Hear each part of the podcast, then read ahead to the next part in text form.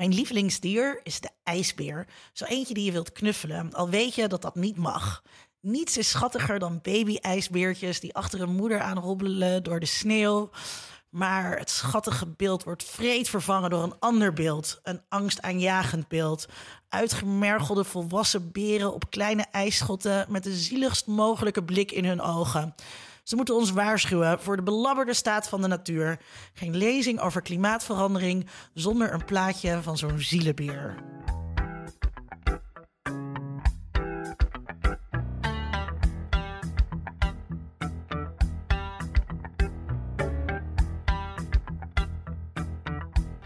Vanuit Amsterdam is dit Onder Media Doctoren, de podcast waarin communicatiewetenschappers zich verwonderen over de media.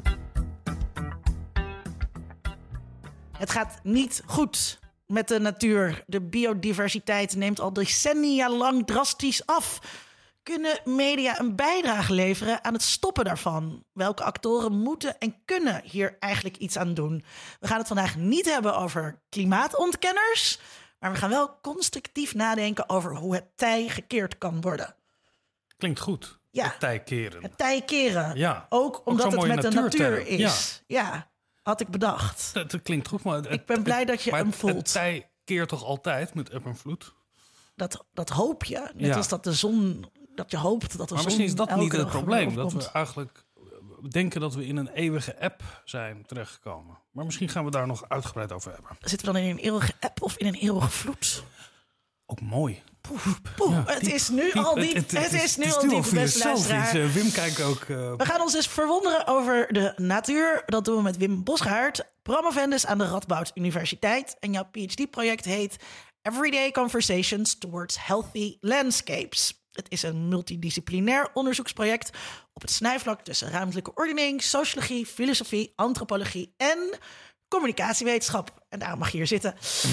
Eerder studeerde je landschapsarchitectuur en ruimtelijke planning in Wageningen. Leuk dat je er bent. En zoals altijd aan mijn zijde, mijn vaste mede-mediadokter, Dr. Vincent Kronen. U hoorde hem al even. Wim, wanneer is een landschap een gezond landschap? Goeie vraag om mee te beginnen natuurlijk. Waar hebben we het Dankjewel. over? Ja, Linda, dankjewel. Um, ik zou zeggen, ehm, wat is een gezond landschap? Een landschap dat goed is voor mens, plant en dier. Dus eigenlijk een wat holistische, holistische visie op, op eh, ja, wat, wat gezondheid, wat, wat, wat de economie is eigenlijk. Ja. Ehm, dus je zegt wij- ook expres, want je kan me voorstellen dat er ook heel veel mensen zijn die zeggen alleen voor plant en dier. Ja, Die de mens als een, als een, als een parasiet zien die dat allemaal stuk maakt. Maar jij vindt dat wel belangrijk, dat de mens... ja, het is ja. eigenlijk een soort uitbreiding van het People, Planet, Profit verhaal. Maar dan veel meer de biocentrische ja, samenleving. Dus mens, plant en dier staan centraal. Of de aarde staat eigenlijk centraal. En wij zijn allemaal bewoners van de aarde. En, Ja. ehm, ja, dus eh, dat, is, het is een wat inclusiever perspectief ook in die zin, denk ik. Ja, ja, ja. Iedereen, eh, iedereen mag ermee eh, zijn. Vincent, voordat we beginnen, ik weet Ja. dat je dit heel graag kwijt wil. ja. Wat is eigenlijk jouw lievelingsdier? Mijn lievelingsdier is de mens. Oh god. Want Oh, ik ben God. zo ontzettend blij dat wij gewonnen hebben. Dat wij de superieure wezens op aarde zijn. Want stel je voor dat nou bijvoorbeeld die ijsberen van jou opeens superieur daar waren geweest. Dat zijn hele onredelijke eh, wezens. Die helemaal niet op ratio, die hebben geen moreel besef. Daar kan je heel erg moeilijk mee praten. En, dus ik ben heel erg blij dat de mens... Vader-ijsberen eten soms baby-ijsberen op. Precies, en dat wil je toch niet? Dus Ja. ik ben heel erg. Mijn lievelingsdier is dus de mens. Als dat dan weer niet mag op een of andere manier, eh, zijn Maar, eigenlijk... maar de mens is toch... De mens is degene die, die dit allemaal aanricht. Ik bedoel, de ijsbeer zal nooit de leefomgeving verwoesten van, van, van vissen en, en savannedieren en bosdieren. ja, maar dan en zeezoogdieren. Eh, eh, en dan gaan we het. De, kijk, de natuur is er voor de mens. En niet andersom. Oh, dit gaat een pittige Dat is, uitzending eh, worden. dat is een, een, een standpunt. En eh, ik weet dat er andere standpunten over zijn, maar uiteindelijk is de natuur en alles wat daar is, werkt ten behoeve van de mens. Dat daar ook biodiversiteit heel erg goed is voor de mens. Eh, bijvoorbeeld om eh, bijen, dat, dat, eh, dat we goed te eten hebben. Maar ook gewoon dieren om op te eten. Eh, dat, dat is heel erg belangrijk. En we kunnen er goed in recreëren in natuur. En dan kunnen ook Recreëer helemaal- jij wel eens in de natuur? Ja, dat doe ik wel eens. Maar meestal een uur. En daarna wil ik er iets te drinken bij hebben. Dus niet al te lang duren. Dus, Liefst ik, wel dat er een terras in de natuur is. nou ja, ik vind het heel interessant als je zeker in de Nederlandse natuur... eh, dat is eigenlijk een soort 19e-eeuwse uitvinding waar je doorheen loopt. Een soort themapark eh, waar een bepaalde inrichting is. Waar dan over gesproken wordt alsof er een soort oorspronkelijkheid... of een soort authenticiteit daarin zou zitten. Ja. Nee, dat is helemaal bedacht door ons. En wat ik ook heel mooi vind is dat je in natuurgebieden vaak ook hekjes hebt. Weet je wel, dat je... Het ANWB-landschap. Ja, precies, dat je daar Ja. het hekje open kan doen en dat je dan de natuur ingaat. Ik stap de Zo natuur is in. natuur bedoeld en natuur dat is iets wat gekneveld moet worden. Ja, maar wil je daarop reageren? De natuur is er alleen voor de mens? Ja, dat, dat, Vincent dat, zegt heel vaak onzin hoor. Dat kan je ook gewoon zeggen. Nou, Ja. eerst op het laatste inderdaad. Ik ben, ik- inderdaad, het Nederlands landschap is eh, per definitie aangetast of gebruikt door de mens, of vormgegeven door de mens. Dus Ja, aangetast, Eh, het is gemaakt. het is door- gemaakt door de mens. Ja. Ja, precies. En dat- dat, is onvermijdelijk ook in die zin. Maar dat staat denk ik wel los van het feit dat natuur ook waarde voor in zichzelf heeft, denk ik. Ehm, het is niet, natuur is geen gebruiksvoorwerp alleen. Het heeft ook schoonheid in zichzelf. Dat is althans Maar wat ik hoe, geloof. hoe kan, je, eh, kan je spreken over schoonheid als het niet door vanuit een menselijke zintuigelijkheid eh, bezien kan worden? Ja, dat denk ik wel. Als je het perspectief verbreedt naar... eh, er zijn meer, meerdere eh, soorten op de aarde. Dus ook eh, planten en dieren. En eh, die, die gebruik, maken ook gebruik van de natuur. En ehm, de mens is dus niet de enige op de aarde. Nee, en ik, ik vind dus ook juist, zeg maar, als je bovenaan de voedselketen staat, heb je ook een verantwoordelijkheid. Zeker.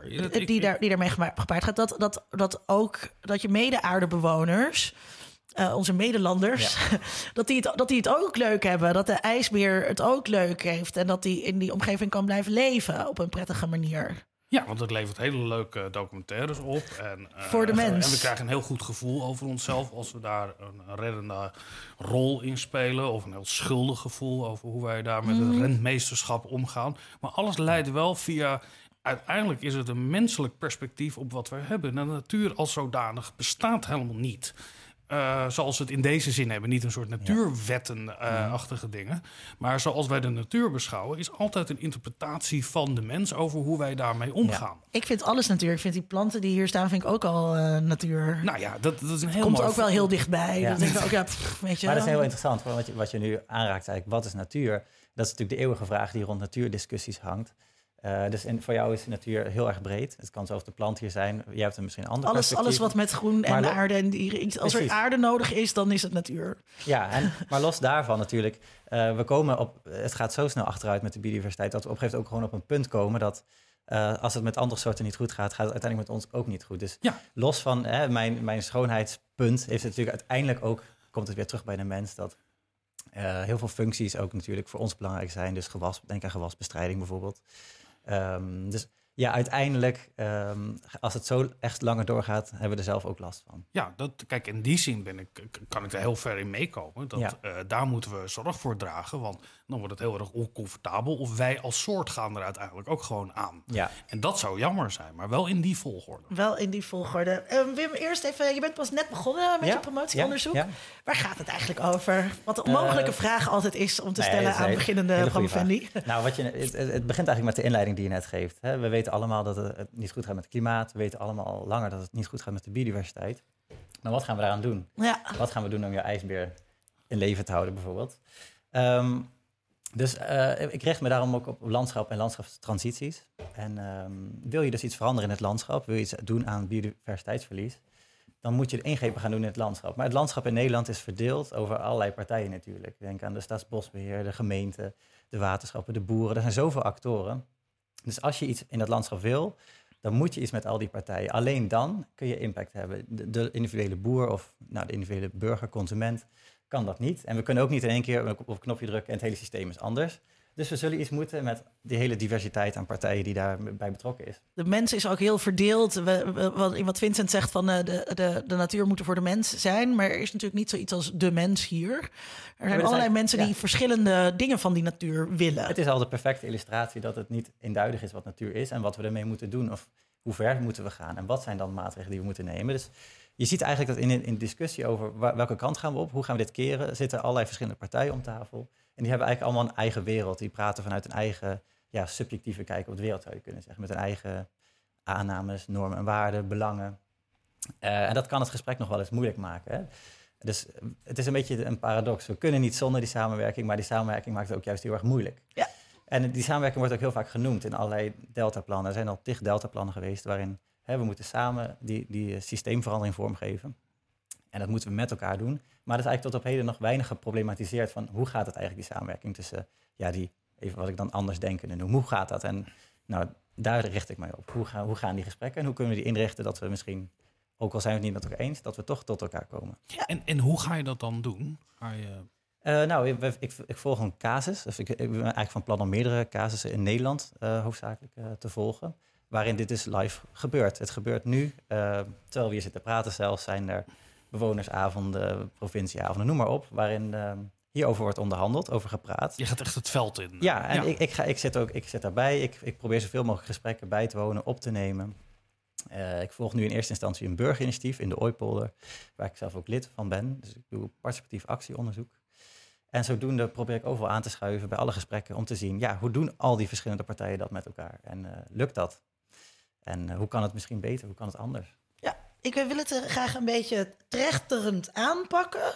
Dus we gaan van heel groot beginnen met de aarde om dan uit te komen in die Ooipolder. Dan kan je ook uitleggen waar in hemelsnaam buiten de ring zich die polder bevindt. Weet jij dat? Ik heb werkelijk geen enkel idee. Nou, dat komt wel straks. ik, dat, dat aan ik het weet einde wel van dat de aflevering ook weer door mensenhanden foei. natuurlijk is gemaakt. Dus... Foei, foei, foei. Aan het einde van de aflevering, beste luisteraar, uh, komen we er met z'n allen achter, vast en zeker waar dat. Waar ik denk dat het een soort vondelpark is, maar dat er heel weinig mensen komen.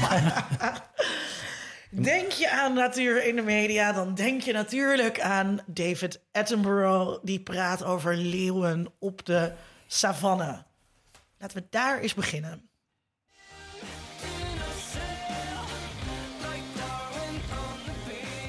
Onlangs ontstond enige beroering toen bleek dat de EO, of de EO zoals ze zelf zeggen, uh, haar onwelgevallige passages over de evolutietheorie uit de aangekochte dierenfilms knipt. Tussen de wetenschap en religie botert het niet altijd.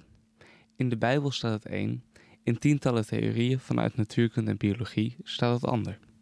Veel media-uitingen halen informatie uit wetenschappelijke onderzoeken. Het zijn immers betrouwbare bronnen, volgens de algemene consensus. Zo ook natuurdocumentaires. In documentaire land zijn natuurdocus een welbekend fenomeen. Van Our Planet op Netflix tot de elfdelige serie Planet Earth uit 2006. Maar niet iedereen kan de inhoud van die natuurdocumentaires waarderen. In 2007 zond de evangelische omroep, de EO, de documentaire serie The Life of Mammals uit van de beroemde Britse Sir David Attenborough. Niet lang na de uitzending werd het bekend, via evolutiebioloog Gerdine Jong, dat de EO een aantal passages over de evolutietheorie had geschrapt uit de documentaire serie. Zowel het Nederlandse commentaar wijkt af van de originele Engelse en elke verwijzing naar de evolutietheorie ontbreekt.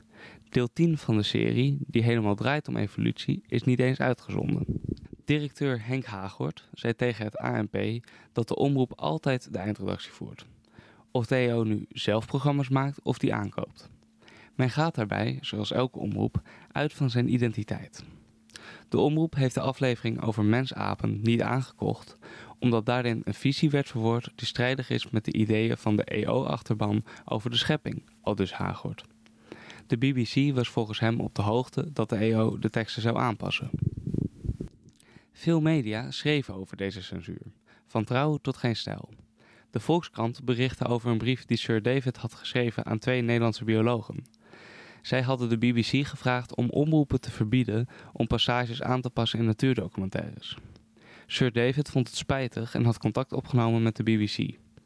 Hij schreef dat het verboden zou moeten worden om programma's fundamenteel te wijzigen. De EO lijkt het nu niet meer te doen, dat censureren, maar een uitgebreide analyse blijft uit.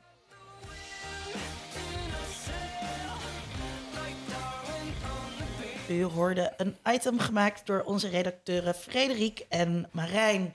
Ehm, ja, we zaten hier een beetje te gniffelen uh, natuurlijk. Maar wat, ik, uh, wat, ik, wat interessant is aan dit voorbeeld is dat de EO blijkbaar een bepaald effect vreest van deze natuurdocumentaires. Namelijk dat mensen geïnformeerd raken over de evolutietheorie en zich dan misschien wel zouden kunnen afkeren van, van, dat, van dat geloof.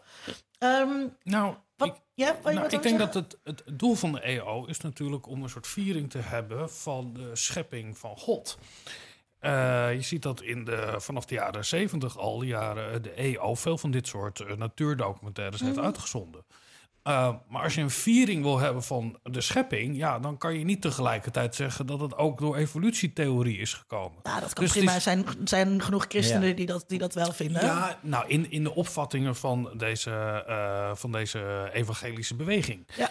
Um, dus ja, in die zin is het niet zo vreemd dat ze dat eruit ja, halen. Dus ze hebben een beoogd, uh, uh, ze hebben een beoogd effect. Ja. Uh, dus dat was het bruggetje wat ik wilde maken. Naar de vraag van wat, wat doen dit soort natuurdocumentaires nou we, we, hebben nu. Uh, um, ja, ja, ja, we hebben nu Our Planet natuurlijk. Uh, de nieuwe Netflix-documentaire reeks ook met David Attenborough. Uh, en ik vind het een soort porno. Ik kijk ernaar en dan ben ik blij als de ijsbeertjes komen. Maar alles, alles is mooi. En vooral mijn mooie 4K-kleurig tv springt dat er echt, echt uit. Um, en hij uh, deze reeks, anders dan die vorige reeks die hij heeft gemaakt, uh, daar legt Attenborough nu heel erg de nadruk op klimaatverandering. Dus hij zegt eigenlijk bij alle diertjes die je ziet, nu zijn het er nog veel, maar straks worden het er minder. Of eerst waren het er heel veel, dan zijn er nu al weinig. En dit gaat dood en dat sterft af. Ja. Um, doet dat, dat ook iets? Want ik kijk ernaar en ik denk, wow, zielig. En dat is het. Ja, um, wat het met je doet. Nou, ik denk wel, natuurlijk, eigenlijk zijn die documentaires altijd vrij informerend. Eigenlijk een beetje een tikkeltje saai. Er zit ook niet echt een hele, hele duidelijke ontwikkeling of plot in natuurlijk. Het, het, is soms zelfs grappig. Um, met de, de André van Duin voice-over. Of ik ken iemand die het kijkt, omdat het zo kalmerend is, ja. bijvoorbeeld.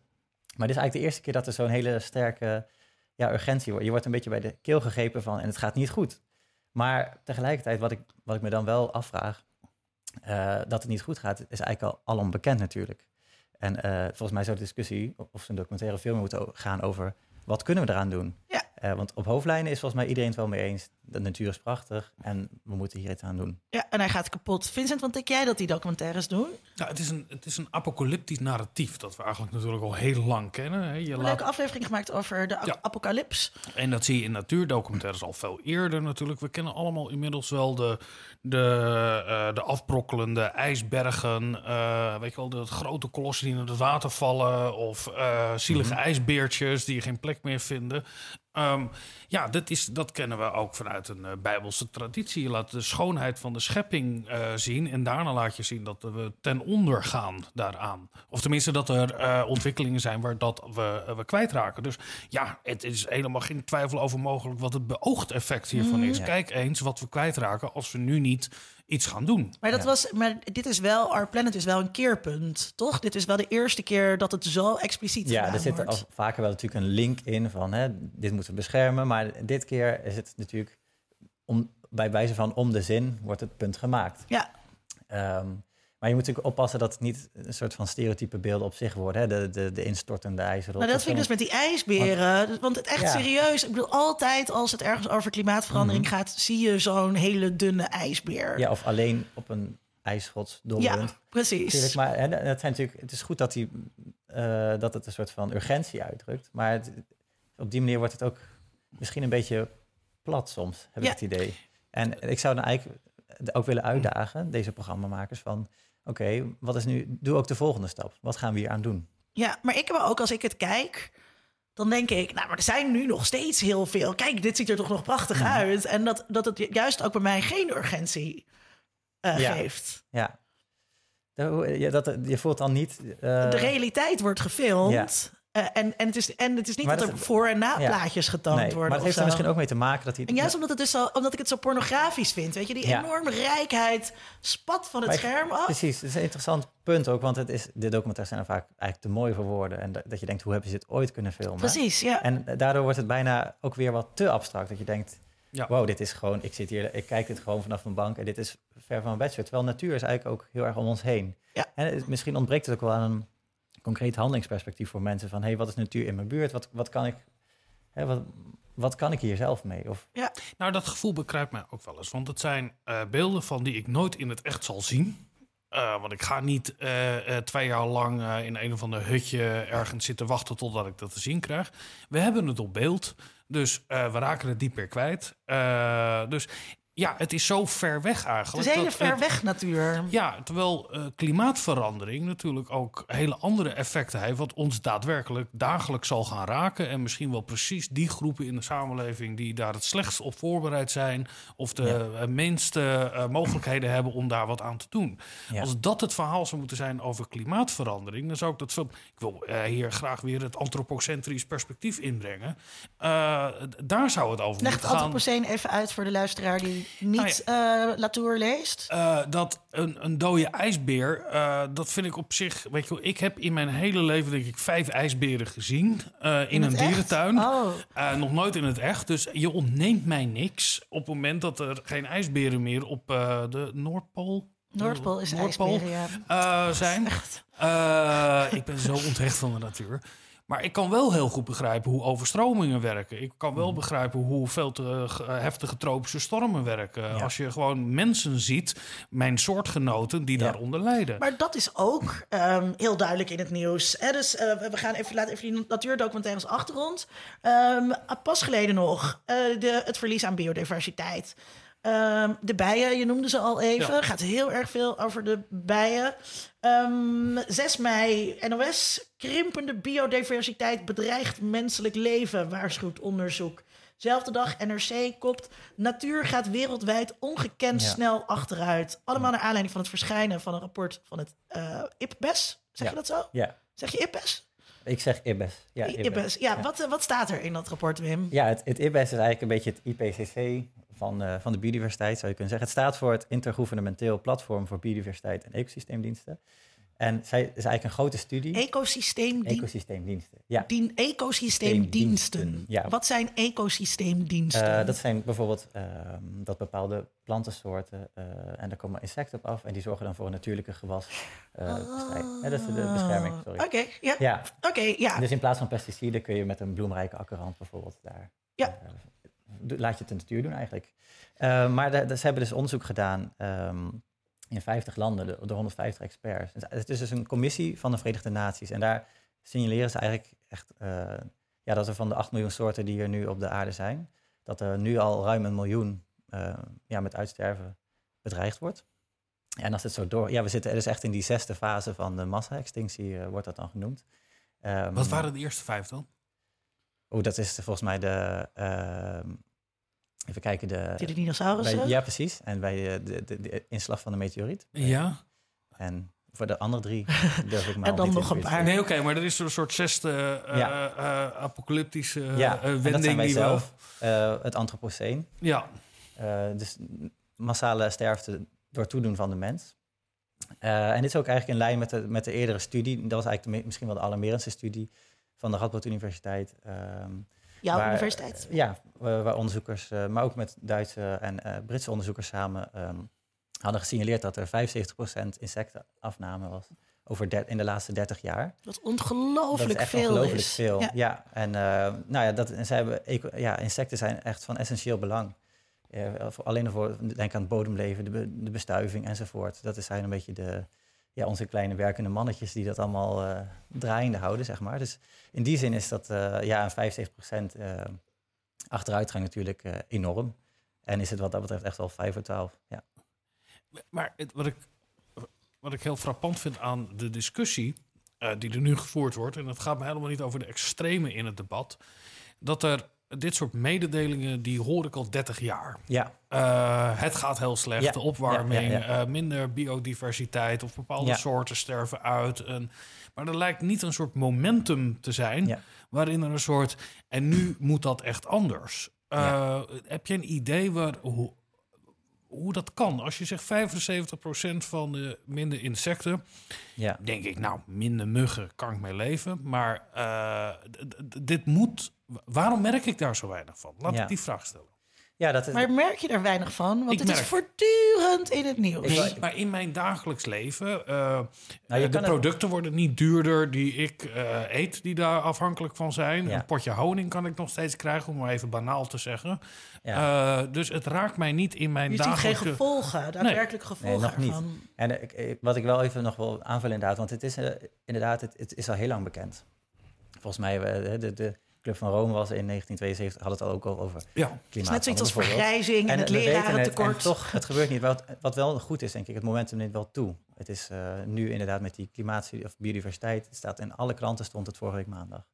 Ehm, het was ook bij de verkiezingen, was bijvoorbeeld klimaat in één keer een, een enorm thema. En ehm, dus het, het, het wordt wel meer mainstream, zeg maar. Het, het, het debat wordt wel breder. Al- alle reclames gaan ook over, over duurzaamheid, wat het dan ook mag zijn.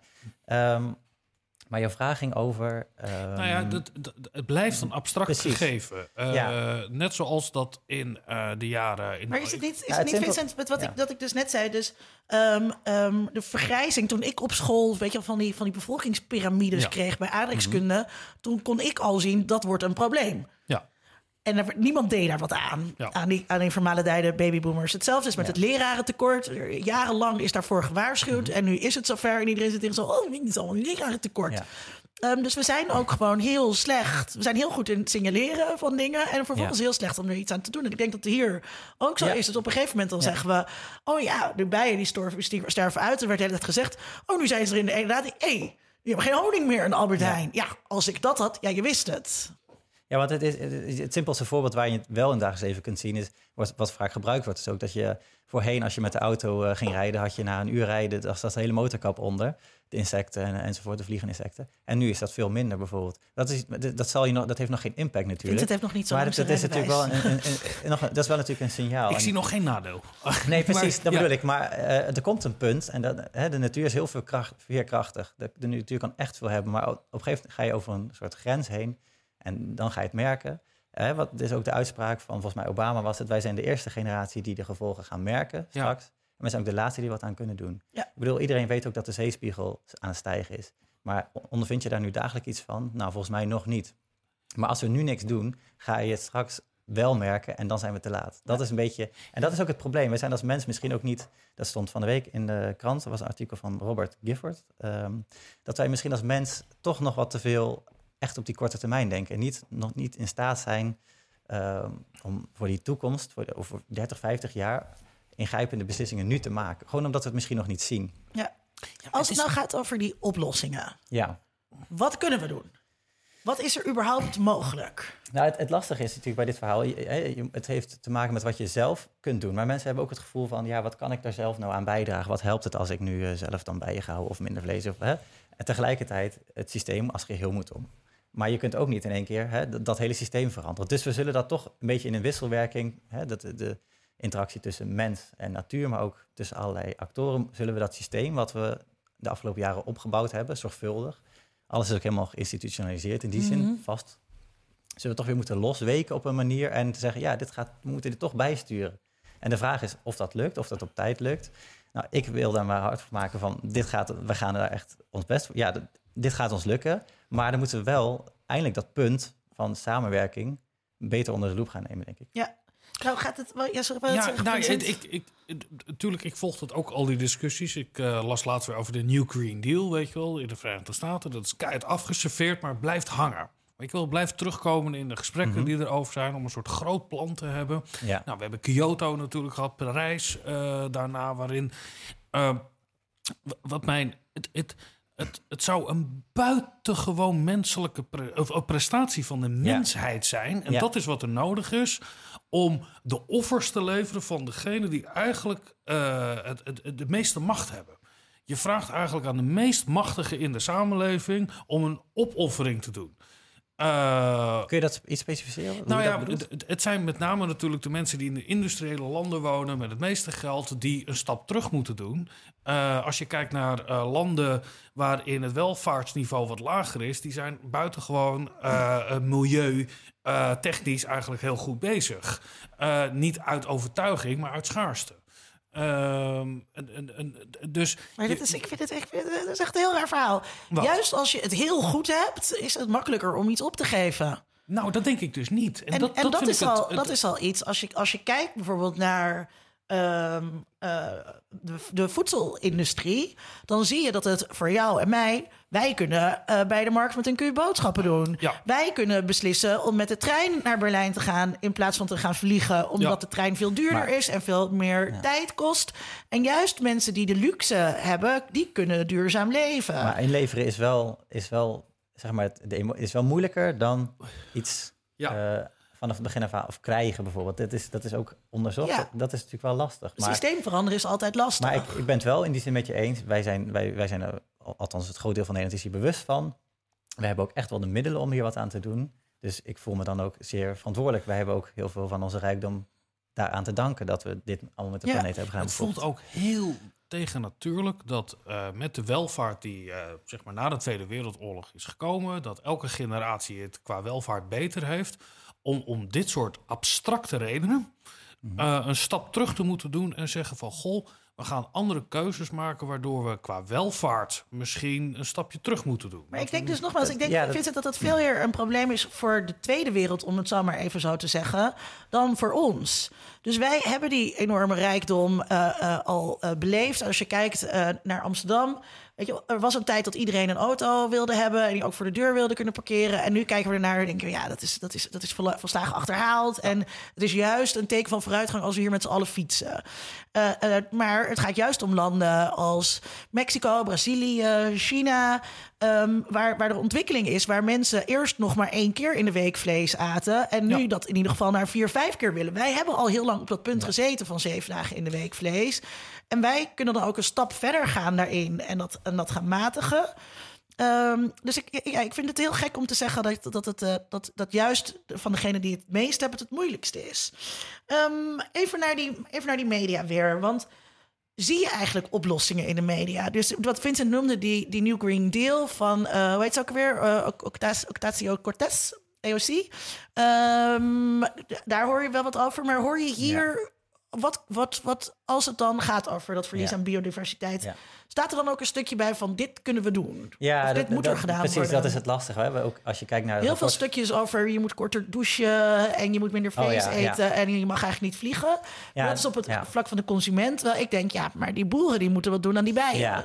Ja. dat is natuurlijk het hele ingewikkeld. Ook het IBES roept op tot transformative change. Het hele sociaal-economische Ah, transformative change. moet helemaal om. Maar Ja. dat is natuurlijk, als je daarbij bij de burger aankomt, die denkt, ja, wat bedoel je? En wat, wat moet ik dan doen? Wat kan ik dan bijdragen? Dat is natuurlijk heel abstract. en dat maakt het ook wel een tikkeltje lastig. Ja. Maar er zijn wel eh, de laatste tijd veel initiatieven ook. Eh, bijvoorbeeld het actieplan eh Natuur Inclusieve Landbouw, wat in de, door de Gelderse Natuur- en Milieufederatie bijvoorbeeld eh, is bedacht. Of op, daar wordt nu aan gewerkt. En onlangs is er weer een eh, deltaplan biodiversiteitsherstel eh, gelanceerd. Dus dat zijn wel initiatieven waarbij ze zeggen, hey, dit, dit systeem gaan wij ook... Hè, dus niet alleen de burger moet iets anders doen, maar wij willen dit ook proberen eh, zo, zodanig te sturen dat het de goede kant op gaat. De goede even tussen aanhalingstekens. Maar ehm, daar wordt bijvoorbeeld gezocht naar hoe kunnen we in plaats van dat boeren tegenover natuurbeschermers staan, hoe kunnen we natuur een soort van inbedden in de landbouw. Dat, dat dat veel meer in harmonie is met elkaar in plaats van dat het een soort van ja, ook wel gecreëerde tegenstellingen zijn natuurlijk. Mhm. Eh, dus dat, dat zijn wel initiatieven die ook recentelijk veel in de media zijn geweest. Als je het hebt over Ja. anders, anders dan burgers. Is er in het debat een verschil tussen. eh, kijk, je hebt de, de, de, de klimaatverandering. Ja. Daar gaan we niet over discussiëren of het zo is. Dat is zo. Maar, eh, maar je hebt ook gewoon gebruik van pesticiden. Dat heeft niet zoveel te maken met klimaatverandering. Nou ja, misschien gebruik je bepaalde eh, Maar wel weer, wel weer in met relatie tot. eh, ja, biodiversiteitsverlies. D- d- eh, Zou het mogelijk zijn om het debat daar waar de, de quick wins zitten los te maken van het debat over klimaatverandering? Jawel, dat gebeurt wel hoor. Ik denk dat dat, dat zie ik in mijn eigen onderzoek wel. Klimaatverandering is misschien de, de paraplu waar het allemaal onder valt. Maar als je het hebt over wat kunnen we doen voor de, voor de vo- weidevogels in, in Hamsterland of in de Ooipolder, hè, jullie wel bekend, eh, dan, hè, dan, kan, dan kun je het veel concreter hebben over pesticiden. Maar ook ik ben, ik ben wel van mening dat is niet zo'n quick win zoals je dat net formuleert. Het vraagt echt een, een, een, een andere, andere attitude eigenlijk van de boeren. En Ehm, dat moet ook mogelijk zijn in, in verdienmodellen. De huidige structuur, ehm, in de huidige structuur is dat eigenlijk gewoon ondenkbaar nog. Hè, dan moet je het echt hebben van idealistische boeren die daarmee gaan pionieren. Maar eigenlijk hè, het hele systeem moet dus aan zich om. Daar gaan we zo nog uh, over verder praten. Eerst gaan we luisteren naar een natuurfilosoof. Mijn naam is Matthijs Schouten. Ik ben uh, ecoloog en filosoof. Eh, tot voor kort was ik uh, hoogleraar um, ecologie en, en, natuurbeheer aan de Universiteit van Wageningen. Daar ben ik nu met pensioen gegaan. Maar ik ben nog steeds hoogleraar natuur- en landschapsbescherming aan de universiteiten van Cork en Galway in Ierland. En verder ben ik strateeg bij Staatsbosbeheer. Als je het hebt over de rol van natuur in media in de breedste zin, dan, dan, zijn er verschillende domeinen, denk ik, waar je, waar je mee bezig kan houden. Wat mij erg interesseert, uh, als je het nu hebt over popcultuur en over, over um, uh, populaire programma's, dan valt mij op dat um, natuur vaak een hele mooie achtergrond vormt. dat, dat natuur heel vaak als decor gebruikt wordt in allerlei mooie televisieseries, overigens ook in allerlei games, want daar is natuur ook volop aanwezig. Dus zo speelt natuur een rol. Maar er is natuurlijk ook een publiek debat over natuur. En dat, dat um, af en toe weer eens heftig opleidt. Uh, in de tijden dat er crisis zijn in de Oostvaardersplassen. Op het moment is er een, een ontzettend uh, sterk debat over uh, het kappen van bomen. En dat zie je dus in alle kranten terug. Daar zie je dan eens allerlei televisieprogramma's over terug. Dus in die zin zijn er verschillende, ik zal maar zeggen, lijnen en dimensies waarin natuur in de media optreedt. Dus het actuele publieke debat als achtergrond in allerlei mooie films en series en games. Wat ik denk dat belangrijk is, in dit licht even, even, even voor ogen houden, is dat natuur, uh, en dat gaat voor de media, maar het gaat ook voor het politieke en publieke debat, een domein is waar we het dan soms over hebben. En we hebben het er vooral over als er ineens weer berichtgeving komt over stervende dieren in de Oostvaardersplassen, of te veel bomen die gekapt worden, of zoals nu soort die dreigen uitsterven, dan is het even erg hot. En daarna gaan we ook weer over het orde van de dag. En dat heeft te maken met het feit dat we de natuur eigenlijk een beetje, um, uh, ik zou bijna willen zeggen, als een soort, um, soort luxe domein zijn gaan zien. Hè? Kijk, als we, als, als, als, als, we um, geld over hebben, dan doen we iets voor natuur. Als, uh, als uh, er ergens een probleem is in het natuurgebied, dan moeten we daar iets aan doen. En dan is dat even hot. Ik denk dat het heel belangrijk is dat we ons gaan realiseren... samenleving de natuur aan de basis ligt van menselijk welzijn. We hebben, je kent die beroemde Maslow-pyramide. Hè? Dan, je moet eerst je dagelijkse behoeften vervuld hebben... en dan uiteindelijk kom je toe aan uh, culturele zaken. En we zijn natuur een beetje gaan stoppen aan de top van die piramide. Hè? Dat is dan, uh, als alles verder klopt, dan gaan we lekker natuurreservaten stichten, recreëren. Mag dan ook, als we daar geld voor over hebben. Het punt is dat, dat je het eigenlijk moet omdraaien. Ons welzijn is afhankelijk van die natuur en van het welzijn van de natuur. En daar zou eigenlijk het debat over moeten gaan. Niet even wat je, wat je dan in een, in een, in een partijprogramma lekker weer inschrijft, omdat je nog wat zieltjes wil winnen. Wij moeten met z'n allen praten over onze toekomst, een duurzame toekomst, um, die uiteindelijk gefundeerd is op het welzijn van deze planeet. Voorop moeten we stellen dat in, in de westerse traditie natuur langzaam maar zeker, dat, is, ligt een heel proces achter, maar langzaam maar zeker geworden is tot, uh, je zou kunnen zeggen, een gebruiksobject. Wij gaan er eigenlijk vanzelfsprekend van uit uh, in onze samenleving natuur van en voor ons is. Dat heeft een aantal redenen. Dat begon in het klassieke denken, dat het, waar, waarin het idee ontstond dat de natuur er was ten behoeve van de mensen. Dit is het christendom overgenomen en uiteindelijk zijn we gaan denken, nou, het is er van en voor ons en we kunnen het vrijelijk gebruiken. Hè? Daarmee werd natuur een soort gebruiksobject. Dat is in andere culturen veel minder aan de hand geweest. Je sprak over de islam. In de islam wordt natuur gezien als een uiting van, van Allah's grootheid. En ook als een, uiteindelijk het eigendom van Allah. Waar wij voorzichtig, als mensen voorzichtig mee moeten omgaan. In, uh, in uh, Oosterse culturen uh, is het heel fascinerend te zien dat uiteindelijk het, je zou kunnen zeggen, het domein van betrokkenheid en verantwoordelijkheid en van, van um, zorg verder gaat dan alleen de mens. Het punt is uiteindelijk, komt het denk ik in diepste zin neer op de vraag, wie denken wij dat wij zijn? Wie denken wij dat, wij als mensen zijn op deze aarde? En daar hebben natuurlijk allerlei verschillende tradities, verschillende culturen, verschillende antwoorden op gegeven. Maar het punt is, zolang wij vinden en blijven vinden dat wij centraal zijn op deze planeet, dat die planeet eigenlijk van en voor ons is, en het gaat er wel een beetje fout met die planeet door ons handelen, maar dat gaan we dan wel weer technologisch oplossen, zodat het uiteindelijk toch wel weer goed voor ons gaat. Dat is volgens mij een weg die niet tot een werkelijk duurzame, duurzame toekomst zal leiden. Omdat we daar een voortdurende houding blijven aannemen dat het van en voor ons is. Hè. ik denk dat wanneer we er niet in zullen slagen ons te voegen in het ecosysteem aarde en ons deel te voelen van een groter geheel, ehm, en dus een zekere, ik zou bijna wel zeggen, een zekere nederigheid te betrachten, ons niet alles toe te eigenen, we geen duurzame toekomst zullen ontwikkelen. En uh, het is fantastisch dat we techniek ontwikkelen. Het is fantastisch dat we denken over technologische oplossingen. Maar zolang die niet voortkomen uit het gevoel dat we uh, een duurzame toekomst willen creëren voor de mensheid en voor wat er verder op deze planeet leeft, denk ik dat, dat het uiteindelijk niet leidt tot wat we zouden willen bereiken. Dus het heeft, op het moment vind ik dat de crisis waar we het over hebben, zijn in diepste zin ook een crisis van, uh, van de geest. Of van de ziel, zou je kunnen zeggen. Hè?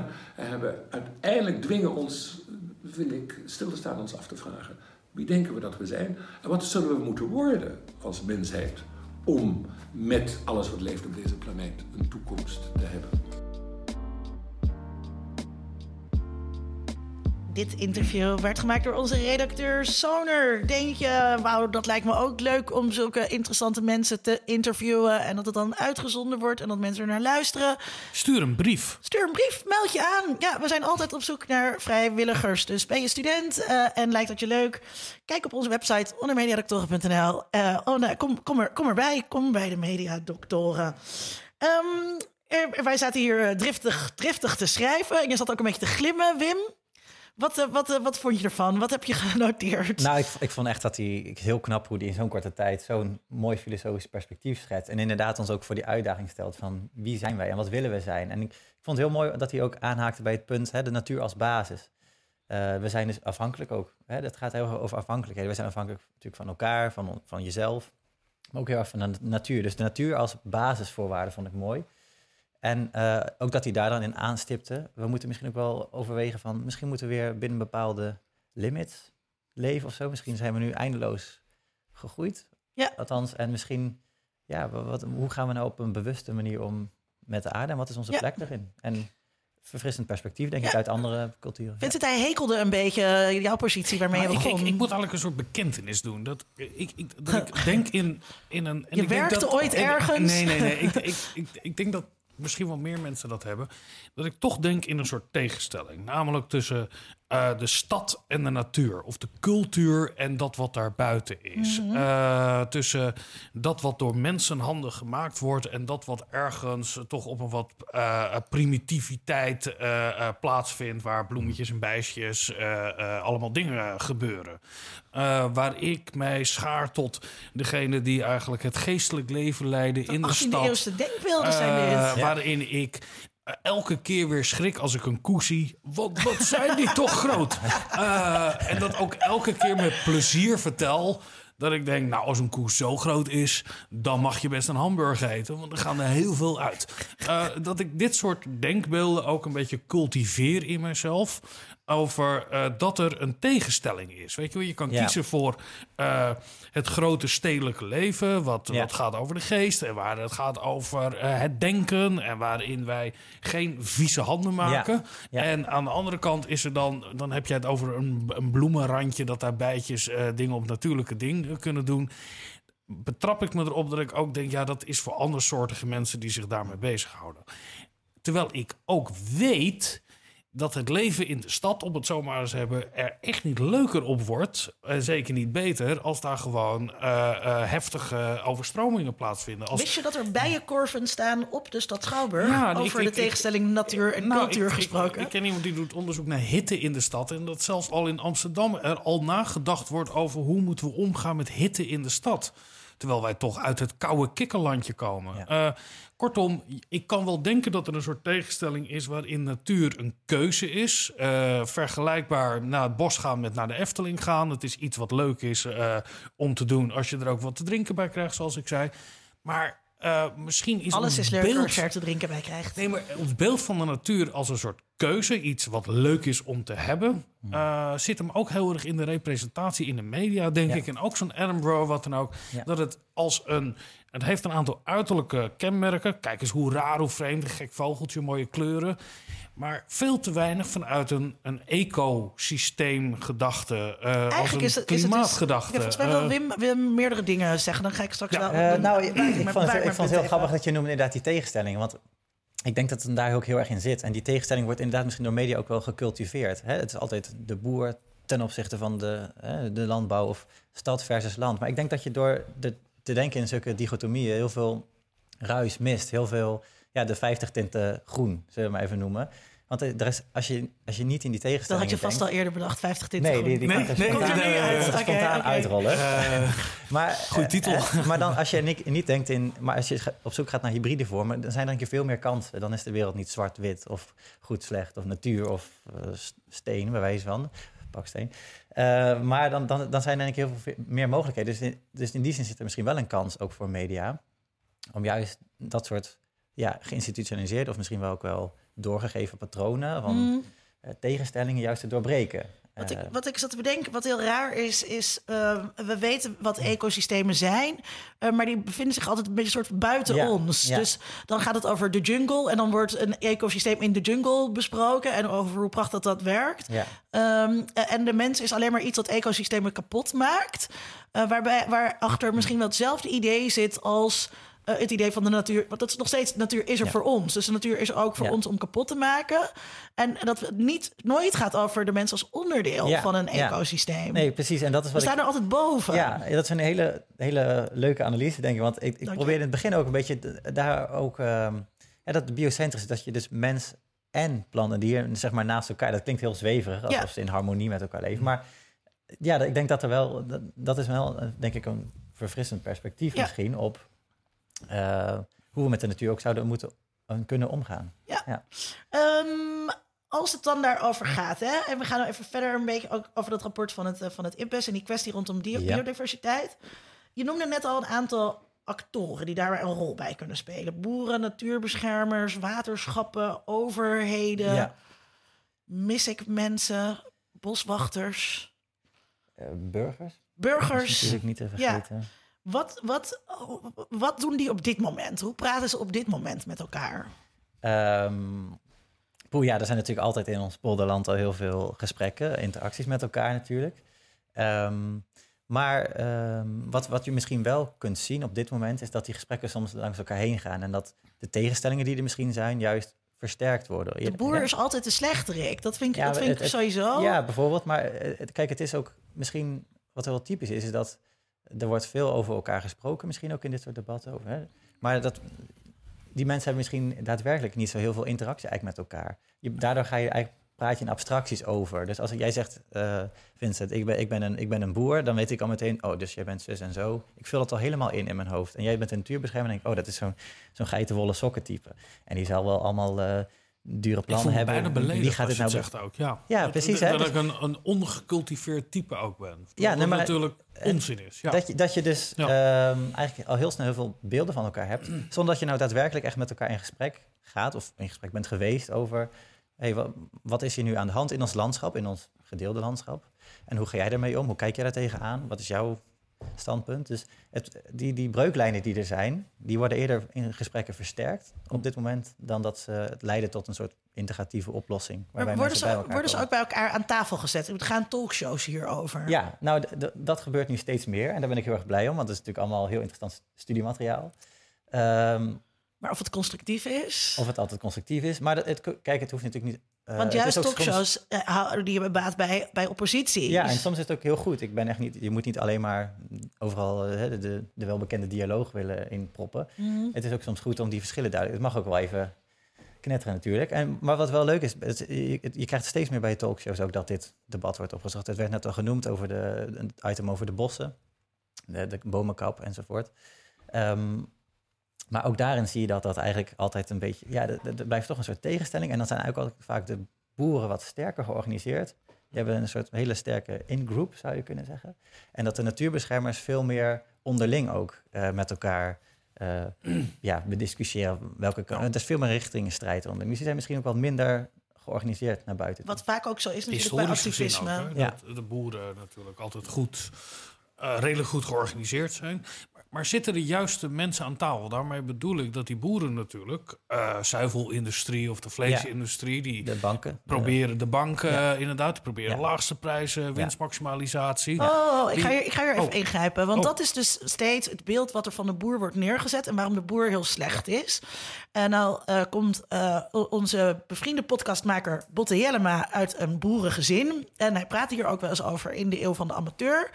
En eh, eh, hij neemt het dan altijd op voor zijn, eh, voor zijn ouders die zo'n bedrijf. En, Ja. en, dat, en dat is een positie die bij- bijna niet hoort. En hij zegt, mijn ouders houden van dieren. Ja. Zij hebben Ja. dieren. En daar ben ik mee ingrijpen opgegroeid. omdat je het met me oneens was. Met, maar- met die koeien. ja. Nee, maar dus ehm, ehm, wat jij zegt van die boeren die zijn georganiseerd en die, en die gaan voor een, geld, voor, voor een geldelijk belang. Nee, nee, voor die ik dingen. bedoel nee, maar juist mensen dat worden zij boer. gedwongen worden ook. Om... Nee, mensen worden boer omdat ze van de natuur houden. Nee. Natuurlijk. Nee, Anders word je maar- geen boer. De, ik denk in- Onze, je wordt geen boer. Je, je, je wordt als boer geboren, denk ik. Eh, eh, Kijk, er stoppen geloof ik twee boerenbedrijven per dag in Nederland. Ja. Dat is even een soort statistiekje. Dat heeft te maken met schaalvergroting, ten Mhm. eerste. En, en ten tweede dat er gewoon ontzettende kleine marges zijn. En enorme Mhm. financiële risico's genomen moeten worden... om in Nederland een boerenbedrijf te kunnen runnen. Eh, en het is een, een buitengewoon hoogwaardig technisch eh, beroep Ergo, geworden. je doet het dus niet voor het geld. Je doet het omdat je graag de hele dag op het land bezig bent en graag met dieren Ja, werkt. in, in dit respect denk ik dat er wel... Ja, dat heb ik geen de idee boer, van. de boer bestaat natuurlijk. Die zijn Nee. heel veel soorten boeren. En ehm, uit de boeren die ik ook mag interviewen... er zijn sommige zijn heel idealistisch. Die hebben het zo, nou, zo duurzaam biologisch mogelijk... vanuit dat ze dat ook gewoon willen. En dat kost ze misschien ook meer. Eh, maar er zijn ook boeren die zijn wat zakelijk ingesteld. Dus in die zin, het wisselt heel erg. En eh, ook, maar je ziet steeds meer dat, dat, dat er wel een transitie gaan is. Dat ook eh, het, het, het zakelijke kant van de biodiversiteit... als, als het daadwerkelijk kant wordt gezien. En Mhm. dan is ook veel meer een verhaal van ehm, ja, of ze het willen natuurlijk, of, of, of ze moeten, of ze mogen, of ze kunnen. Dat, is, hè, dat zijn allemaal vragen die dan meespelen. Maar er, er zijn dus meerdere redenen om voor biodiversiteit of voor een, of een natuurinclusieve landbouw te gaan, waar onze minister ook toe oproept. Wat, wat ik interessant vind over de discussie ook, is dat je kan discussies hebben waar gaan we in investeren en wat krijgen we ervoor terug. Eh, dan kan je, we gaan in extra onderwijs investeren, dan krijgen we hoger opgeleide mensen in Nederland. Of we gaan meer wegen aanleggen, dan hebben we minder files. Dit is een discussie natuurlijk over klimaatverandering. Waarin het doel helemaal niet is om iets erbij te krijgen, maar alleen maar om dat wat er is minder hard te laten eh, eh, eh, Verdwijnen. verdwijnen. Dus er zijn aan het einde van de rit zijn er geen winnaars. Alleen in het proces eh, met of het nou de boeren en de gemeente en de burgers en wat dan ook, eh, natuurbeschermers.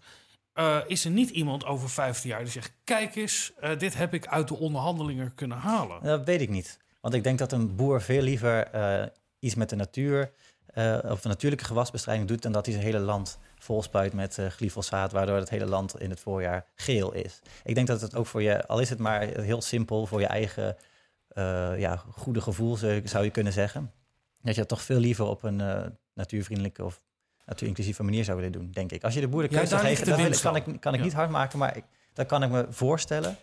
Dat je dat. eh, Ja, maar dan zal het bestaans, de, de, de ontwikkeling zou moeten zijn dat het bestaansniveau gelijk blijft voor de boer. Ja. Maar dan met andere middelen Ja. kunnen gebruiken. En dat Ja. je het, het level playing Ja. ja. field hetzelfde En dat is, heel dat is een heel interessant punt ook. Want ik vind wel ehm, het lastige van al dit soort maatregelen. is, het, het moet georganiseerd worden, het, het kost geld. Mm.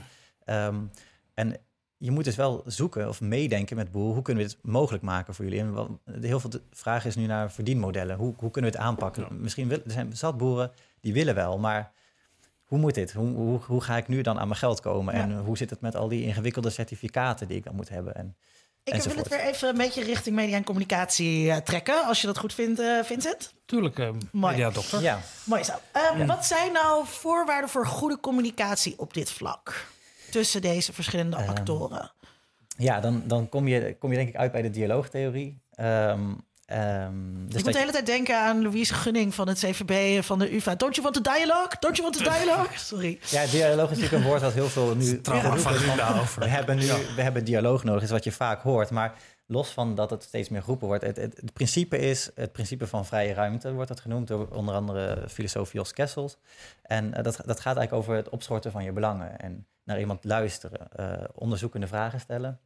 Iemand proberen te begrijpen, niet denken in eh, winnaars-verliezers. Ik, ga, ik, ik moet je overtuigen, maar gewoon, het gaat eigenlijk vanuit, er zijn meerdere perspectieven op de wereld en die kunnen naast elkaar bestaan. En die van jou is net zo gelijk als die van mij. Mhm. Eh, dus het gaat echt om, eh, kan ik jou begrijpen? En dus wil ik ook mezelf even inhouden, niet, door niet jou steeds, eh, wat, wat je in een discussie of een debat zou doen, Ja. eh, te counteren, zou je kunnen zeggen. Ja. Maar we, we weten dit al 30 jaar. Ja. Eh, we hebben de, de, de communicatiemiddelen, mediamiddelen, een tal van eh eh, eh, ronde tafelgesprekken, wat dan ook. Als die urgentie zo groot is, is er niet een soort state of emergency waarin je kan zeggen. Laten we dat hele proces van democratie en met elkaar aan tafel en alle belangenverenigingen en dat afwegen. er moet gewoon van hogerhand worden ingegrepen. Eh, waarin een bepaald beleid in ieder geval 20 jaar wordt uitgevoerd. Waarin geen inspraak is, waarin er eh, de kaders ges- Vincent, je bent weer eens op de antidemocratische, dictatoriale dat- Nou, tour. ik, ik denk inderdaad dat als, als het inderdaad maar dan, zo maar oké, we, hebben nu dus een, we hebben nu een rechtskabinet. Rechts met de kerk. Ja. Die gaan gewoon vol voor, voor economisch gewin. Dus die gaan gewoon zeggen, we gaan alles op alles zetten... om eh, eh, de landbouwsector zo Hmm. eh, winstgevend mogelijk te laten zijn in Nederland. En dat betekent in dit geval dat, al, dat, dat die waterschappen... dat die natuurbeschermers, die moeten allemaal niet zeuren. Dit is het wat we gaan doen. Ja, maar da, da, da- ik denk dat dat inderdaad gevaarlijk is. Want Ja, ik ben dat het wel met je eens. Er is- er is- de, de urgentie is zo hoog, er is wel echt duidelijke sturing nodig. Dus facilitatie bijvoorbeeld. Maar wat wel uiteindelijk het, wat eigenlijk het hele verhaal is... technologisch is er echt wel bekend wat we hier aan kunnen doen. Maar, eh, maar het gaat eigenlijk om die sociale verandering, die, die gedragsverandering. Die, die moeten we met elkaar zien te organiseren. Want volgens mij is er zijn tal van onderzoeken gedaan. Er wordt nog steeds heel veel onderzoek gaan gedaan. Hoe kunnen we biodiversiteitsverlies bijvoorbeeld keren? We weten tal van maatregelen wat we kunnen doen aan klimaatverandering. Maar uiteindelijk moeten de boeren zelf of de natuurbeschermers zelf, de burger zelf, eh, de bedrijven, noem maar op, Vincent Moet je kijkt dit soort van boos. in zich, tot zich nemen en dit ook gaan doen. En daarom, Ja, want het, het, het- het- het- dat- ja. en daarom heb je het gesprek Nee, nodig. maar als wij als burgers of consumenten, het zal allemaal wel, maar je moet gewoon bepaalde producten eh, verbieden en hele grote, dikke, vette en- boetes opzetten als je het wel gebruikt. Als jij, eh, je moet bepaalde eh, productiemanieren, moet je verbieden van hoge hand. Ik ben helemaal Maar niet zo heel Vincent, Maar daar maar, word je Vin- toch- maar Vincent, je doet nu Ja. net Het is een alsof dit geen. Ja, dus je wil een klimaatdictatuur. Je doet nu net alsof eh, eh, die. Want die oplossingen, wat jij zegt, Wim, er zijn verschillende oplossingen. Maar dat zijn natuurlijk niet allemaal. Die zijn, wijzen niet allemaal eenduidig dezelfde kant op. En waar het over gaat hier, is dat die actoren verschillende belangen hebben. Ja. En bij die verschillende. Dus het is, het is een politieke kwestie. En daar moet je Mhm. door middel van deliberatie. moet je tot een oplossing komen waar iedereen zich in kan vinden. ja, maar hebben we tijd voor deze deliberatie? Maar dat is, Ja, dat is, denk- een, dat is, het dat is- niet de vraag die we, waar we hiermee bezig zijn. Wa- Wat we nu proberen te doen, is te kijken hoe kunnen media, eh, hoe kunnen we vanuit media en communicatie zien, be- be- bedenken hoe Ja, dit ziet- gesprek gefaciliteerd kan worden. Ja. Ja, Daar en- wil ik naartoe, Vincent. Ja, en ik vind dat Ga in de, me media, ja, in de media vind ik, eh, wordt er veel te veel. eh, ja, maar ik sta aan één kant van deze discussie. Maar wordt het veel te veel gepresenteerd als eh, eh, een debat. Eh, voor- en tegenstanders van klimaatbeleid. Alsof dat evenwaardig is, alsof het even goed be, eh, beargumenteerd is. Waarin iedereen inspraak moet hebben. Waarin je een arm vrouwtje ergens ziet die geen auto meer voor de deur kan zetten. En dan komt er nooit meer iemand langs. En allemaal maatregelen worden steeds, zeker in bepaald soort media, worden altijd afgeketst over dit zijn de consequenties daarvan.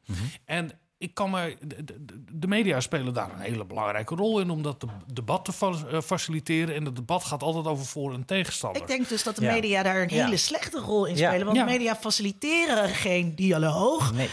Media faciliteren oppositie en polarisatie. Ja, die creëren Juist, een- ja. niet een dialoog, maar een conflict. Dat ben ik heel Ja, erg met Ja, maar ik denk dat, dat, dat, dat inderdaad, want eh, eigenlijk zou je dus, dat klinkt inderdaad een beetje suf, maar je zou dus, dat is een soort van, je moet een omweg nemen door eerst met elkaar hè, dat, dat in gesprek te gaan, dat echt ook zelf te voelen. En, hè, maar dat, dat klinkt als een, dat ja, praten, maar het is zo urgent. Maar we hebben eigenlijk geen alternatief.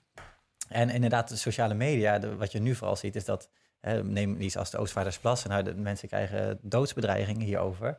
En de sociale media is ook weer zo'n Ik abstractie. weet waar de Oostvaardersplassen liggen. Ja, ik ben- er. Maar ook daar, ik, ik kan Ja. van alles tegen jou zeggen, want jij zit aan een andere kant van een scherm. Ik heb geen idee wie je zou zijn, bijvoorbeeld. Dat, dat, hè, dat leidt ook, dat, dan ga je ook niet elkaar proberen te begrijpen. Of, hè, dat, dat, sociale media leidt in die zin tot polarisatie en dus een belemmering van de benodigde dialoog. Maar ik zou ook zeggen dat, eh, dat talkshows dat ook doen. Eh, zeker hoe de manier er Ja. nu op inge- is ingezet. Ze willen spraak maken, de televisie maken. En blijkbaar is dat eh, als mensen elkaar de pan uitvechten... of het heel erg met elkaar oneens zijn. Ja. Ehm, dus ik denk dat media daarin belemmerd, belemmerend werken. Dat denk ik ook. Er is in de jaren negentig, weet ik, eh, is er ooit een heel mooi boekje verschenen. Eh, Jeffrey Scheuer, die, betoogde daarin dat eh, eh, rechtse ideeën zijn mediagenieker dan linkse ideeën. Eh, namelijk linkse ideeën gaan altijd eigenlijk over systemen en dan gaat over solidariteit en, en, minder belasting. hey, dat, dat klinkt toch een stuk beter. Kleine overheid, minder belasting, gaat over het Amerikaanse systeem. Uh, ik denk dat in Nederland uh, het klimaatdebat gaat heel erg over een heel abstract systeem denken. Ja. Waarin je de consequenties misschien niet eens in je eigen leven... Nou, 2040 geloof ik, hè, dan zijn de uh, gedachten dat het heel erg uh, wordt. Maar dat vergt een soort abstractie. Als jij dan stopt met roken, Vincent, dan maak je dat ook Ja. nog mee. Dankjewel, uh, Linda. Dat, uh, ik wilde nu iets anders over jou zeggen. Maar ik ga je gewoon niet shamen. Ja, dat je? is heel fijn. Dat is heel prettig.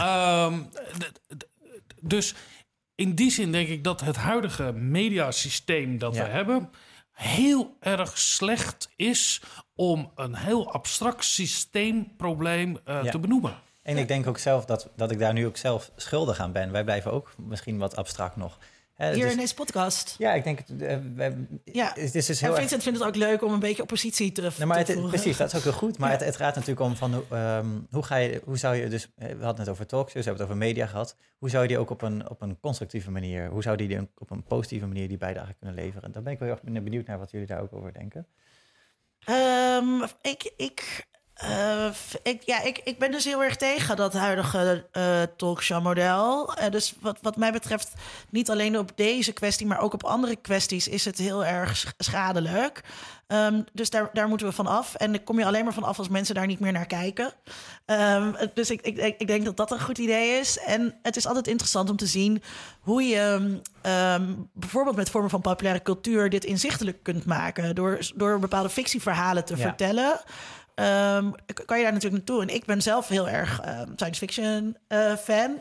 En, eh, en daar gebeurt natuurlijk ook al het een en ander. Dus het hele hoe wij denken over post-apocalyptische samenleving is afkomstig van, van die science fiction. Dus ik zou ehm, mijn verwachting eerder daar leggen dan in dat, in dat Ja. opinie-klimaat. Maar misschien moeten we dat ook even nuanceren, want ik denk inderdaad dat sociale media ook, of media aan zich ook een hele positieve rol kunnen spelen in, eh, dat ze bijvoorbeeld geagendeerd maar ook denk aan allerlei eh, apps of zo waar mensen nu planten scannen en een database opbouwen en willen weten wat het is of vogelgeluiden. Dat, dat zijn de andere vormen van media Ja. die mensen op een of andere manier, ik zie daar heel veel mensen mee bezig zijn. Dus Ja. dat kan weer een positieve bijdrage. Maar juist de opinierende media, dus inderdaad talkshows. En als het gaat over het gesprek wat gevoerd moet worden. Maar daar, Misschien kun je daar dus- wordt het lastig. Daar kan je dus Ja, maar- bijvoorbeeld bij- heel goed met podcast.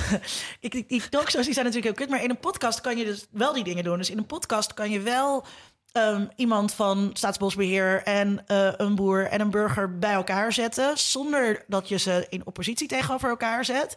Eh, en ze samen laten nadenken over hoe kan het nou beter. Ik denk dat we heel veel kunnen leren van grote sociaal-maatschappelijke veranderingen die in de 20e eeuw hebben plaatsgevonden. Waarin we bijvoorbeeld bepaalde opvattingen over ras eh, ter discussie hebben gesteld. Over de rol van Nou, dat gaat man, lekker. man-vrouw. Nou, ik geloof dat we daar een stuk beter in zijn dan 100 jaar geleden. Dat zal je met me eens zijn. nou, Eh, nou, nou, ik weet niet. Ja, maar goed, ga verder. Ga verder. eh, over man-vrouw verhoudingen, eh, veel recenter. Nou ja, dat, ik denk dat daar de wind zou moeten zitten. Dat bepaalde standpunten over het klimaat en klimaatveranderingen... eh, dat die ja, op een gegeven moment tot een soort, soort treurig residu van het verleden gaan behoren. Ja. Eh, waarin, ja, eh, als jij voor 35 euro... Ja, de- het woord eh, vliegschaamte, of eh, dat was toch vliegschaamte... Ja. Of dat als jij de kiloknaller onder in de, supermarkt... dat het toch een beetje, een beetje het niveau is van die, van, die, van die gekke racistische grap van die oom op een verjaardagsfeestje. Weet je wel, je lacht er een beetje om, maar het is eigenlijk een beetje zielig. Dat zou de winst moeten zijn, wat je vanuit de berichtgeving over media naartoe gaat. En ook vanuit popcultuur. En vanuit populaire cultuur kan daar heel erg goed een rol in spelen. Ja. Eh, Maar het heeft er misschien ook wel mee te maken dat we dan... ehm, wat je nu zegt, dat heeft er ook te maken dat je dus eigenlijk met elkaar in gesprek moet in die talkshows. Maar die, die talkshows zijn ook misschien helemaal geen gesprek. Dat is eigenlijk het, we willen, we willen spektakel, we willen nieuwswaarde, we willen Nou ja, het dat- gesprek ik, uitvoeren. ik, We ik, willen ik kijk wel talkshows, Linda, niet. Eh, het, het, het is natuurlijk een heel raar schijntoneelstukje dat daar Ja. wordt opgevoerd. Waarin, eh, wat ik in dit debat heel erg verwerpelijk vind... is dat er altijd een voor- en een tegenstander voor moet zijn over iets. Ja, maar dat is weer de ja, maar- tegenstelling die ja, wordt. En, maar sommige debatten lenen zich daarvoor. Dit debat leent zich daar niet voor. Ik denk dat bijna geen enkel debat zich daarvoor ehm verleent. Ah, nou, dat denk ik wel. Ik denk dat je daar best... maar dus, dat, eh, dus het format van de, van de talkshow, ik denk dat we daar wel duidelijk over zijn. Het format van de talkshow is niet geschikt om mensen met elkaar in gesprek te brengen.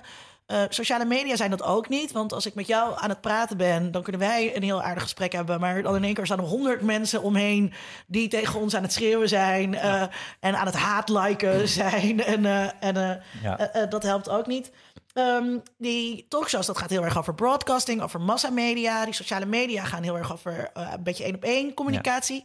Zitten, zijn er tussenvormen? Zijn er tussenruimtes? Wat een mooi begrip. Yes, ja, wat een interessante term. Die heb ik Ja, natuurlijk uit, nee. jouw onderzoek, eh, uit jouw onderzoek gejat, want daar doe jij dingen mee. Vertel. Ja, dat uiteindelijk zijn we daar natuurlijk naar op zoek. Ehm, hè, de, de tussenruimte, tuss- ruimte tussen alle betrokkenen die iets meer moeten of iets ja, meer willen.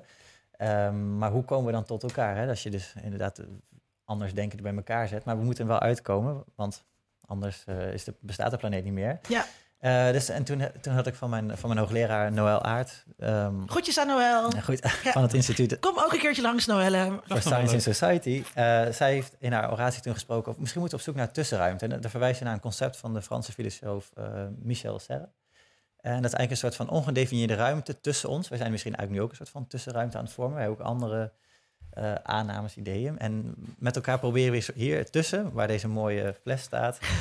eh, Voor de kijkers thuis. Ja. bij het De ondermedia doctoren Ja. zeepfles. Precies, daar, daar, zoeken we een soort van taal met elkaar. Van wat, wat, wat is nou jouw punt? Kan ik dat begrijpen? En ik probeer dus in mijn onderzoek ehm, te onderzoeken hoe wordt deze tussenruimte eh, in dit soort interacties tussen eh, nou, allerlei partijen, natuurbeschermers enzovoort. Hoe wordt die tussenruimte gecreëerd eigenlijk? Kunnen, en, wat, en wordt die überhaupt gecreëerd? Wanneer lukt het wel? Wanneer lukt het niet? Wat zijn de lessen daar, die we eruit kunnen trekken? Dus inderdaad, om dat gesprek mogelijk te maken, Ik moet heel erg aan Habermas denken. ja, ja Ah. Habermas heeft natuurlijk zijn eh, communicatieve rationaliteit. Van eh, Ja. als je maar lang genoeg met elkaar praat, dan komt er een soort Ja. van eh, consensus uit. Geloof je daarin?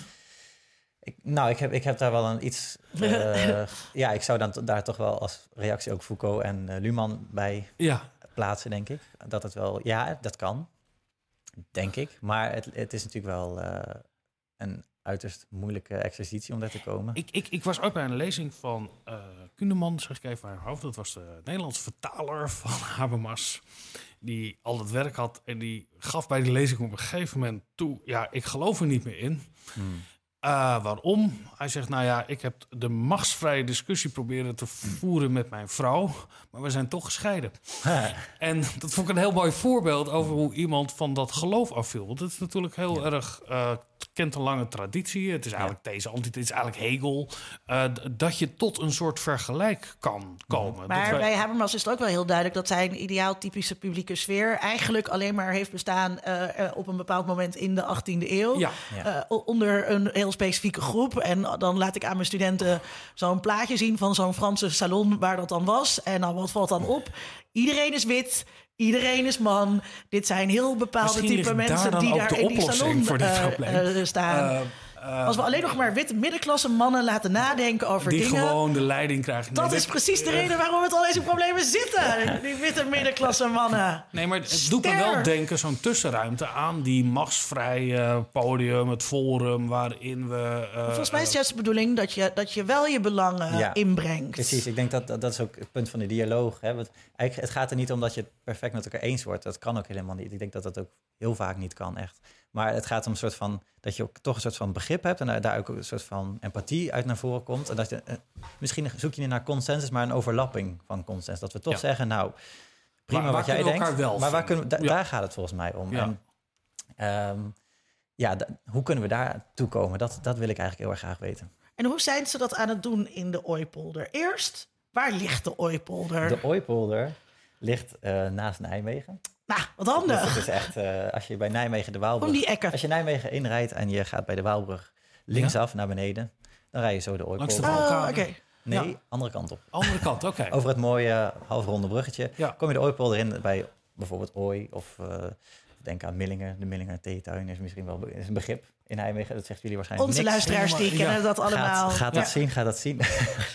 Nu krijgen we, gaat het weer in brieven regenen. We, krijgen vaak het verwijt dat we Ik te ken Amsterdam alleen Café de zijn. Fiets en een discotheek de Swing in niet Nijmegen. door me heen praten. We krijgen reacties dat we te Amsterdam centrisch zijn. En dan doen we een keertje iets met een onderzoeker van buiten Amsterdam of Utrecht. Ja. En, dan, en dan gaan we de hele tijd grappen maken over Ja, dat we geen, ja. geen geografische Kom, kennis kom eens hebben. buiten de ring. Ja, ik kom best wel buiten de ring, want zo ken ik Wim, mensen. Zie je, het gebeurt echt. Ik kom vaak Oké. in Utrecht. Ehm, die Ooipolder, Ja, daar, ik weet nu waar het ligt. Wat, Ja. wat speelt daar? ja. Wat, wat is er aan de hand en welke eh, eh, actoren zijn er en hoe kan zo'n Ja. tussenruimte daar Ja. vorm krijgen? Nou, allereerst natuurlijk, ze hebben het zelf niet over tussenruimte. Dit is, Nee, dat ze- snap we ik, gaan ja. tussenruimte doen. Ja. Maar wat er in ieder geval gebeurt is, er is een groep burgers uit uh, Ooi en omstreken. En die signaleren al langer, dit gaat niet goed hier met die biodiversiteit. En ze hebben zoiets van, er gebeurt te weinig. We willen hier iets aan doen. En het blijft misschien allemaal te veel bij randjes. Wij willen hier, hier ons hard voor maken om hier iets aan te gaan doen. En ze zeggen eigenlijk, hun gedachtegang is... Kijk, dit is heel veel, er is ook veel landbouwgrond daar nog. Eh, Zoals sowieso in Nederland, veel areaal is landbouw. Dat zie ik altijd als Ja. ik weer de regio inga met de trein. Dan zie je heel veel landbouw. Ja. Precies, en, dan, en dan, dan gaat het... Nee, dit helpt dus niet, hè, Linda? Als je eh, Ik moet nog onze houden. Sorry, ik laat, gewoon, ik laat eh, gewoon Wim praten, ja? Maar daar gaat het natuurlijk over. Zij dachten, hey, daar ligt misschien ook wel de sleutel. Hoe kunnen we de landbouw zo eh, omvormen met elkaar... dat daar natuur ook een plek in, het, eh, ja, in de landbouw krijgt? Mhm. Nou, ook naar aanleiding van dus de oproep van eh, minister Carola Schouten... die dus ook oproept voor circulaire natuur-inclusieve landbouw. Maar zij, zij, zij zagen, ja, dat zien we helemaal niet terug. Dus zij dachten, ehm, hè, we gaan iets doen voor de biodiversiteit... met natuur-inclusieve landbouw als soort van vehikel. Mhm. En ze zijn allerlei gesprekken gaan organiseren. Ze zijn bij boeren langs gegaan. Nou, ze, ze hebben zelf wortels in natuurbescherming. Ze praten met de gemeente. Ze hebben met de waterschappen overleg over het waterpeil. Noem maar op. En zo, zij zijn een soort van eh, tussenorganisatie. Ze proberen al die partijen met elkaar te verbinden. Mhm. En eh, het gesprek op gang te krijgen. En zo zijn er dus, eh, ja, dat, dat, dat gaat een beetje zoomen. Dat gaat een beetje bruisen om ook in natuurtermen te blijven. En zo, zo er gebeurt daar iets in de regio. Ze proberen dat met elkaar uit te onderhandelen. Nou komt de universiteit erbij, die heeft dat ook opgepakt. Die hebben een eh interfacultair project, Healthy Landscapes. Hoe gaan, de universiteit gaat ook actief onderzoeken en dat meteen aan koppelen en experimenteren. Daar, dus dat zijn allemaal ontwikkelingen die daar gaande zijn. Mensen die dus gewoon met elkaar in dagelijkse interacties proberen ja, te onderhandelen. Wat is duurzaamheid en hoe komen we daar? Ja. Ja, Ja. en daar mag ik al die tijd bij zijn. Superleuk. Waar, waar ik heel erg dankbaar voor ben, Ja, natuurlijk. En dat levert volgens mij echt heel eh, leuk onderzoeksmateriaal op. Omdat je er gewoon ja, close, heel erg close op zit. Zeker mooi onderzoeksmateriaal. Dat, eh, dat, dat ook. Maar veel breder ook dan alleen. Hoe, hoe, hoe, hoe komen we tot, tot consensus? Is al een Ja. prachtige vraag. Ja. Ja. Kan, kan een living lab daarbij helpen? Wat is Ja. een living lab? ja, een living lab is, dat is, een, dat is een term die je steeds meer hoort inderdaad. Oh, het klinkt net als een smart city. Je hebt daar al... eh, In een al smart city heb je living labs. Nou, kijk, dus in die zin, kijk, een living lab is een, een, eh, een soort experimenteerruimte waar je dus al die, nou, je hebt een bepaald maatschappelijk probleem wat complex is. Je zet al die betrokkenen bij elkaar en je gaat gezamenlijk eh, experimenteren, kennisontwikkeling om daar iets aan te doen. Althans, Mhm. het is, ja, het is een soort proeftuin zou je kunnen zeggen. Ehm, ja, dat zou misschien een oplossing zijn daar, ook, hè, omdat het ook gaat over een complexe, ja, eh, het is een technologisch, maar ook een sociaal vraagstuk. Dus het- we hebben technologische innovatie nodig van hoe pakken we dit aan? Dus de, de hardware zou je kunnen zeggen. Maar ook ehm, hoe doen we dit als instituties en eh, uiteindelijk de mensen zelf. Dus ja, het is, dat is volgens mij heel goed. Ehm, althans, ik, mijn gedachtegang is, een living lab zou een plek kunnen zijn waar je die tussenruimte zou kunnen verwachten misschien. Ja, Waar die misschien wordt onderhandeld. ja. Vincent, zie jij daar brood in?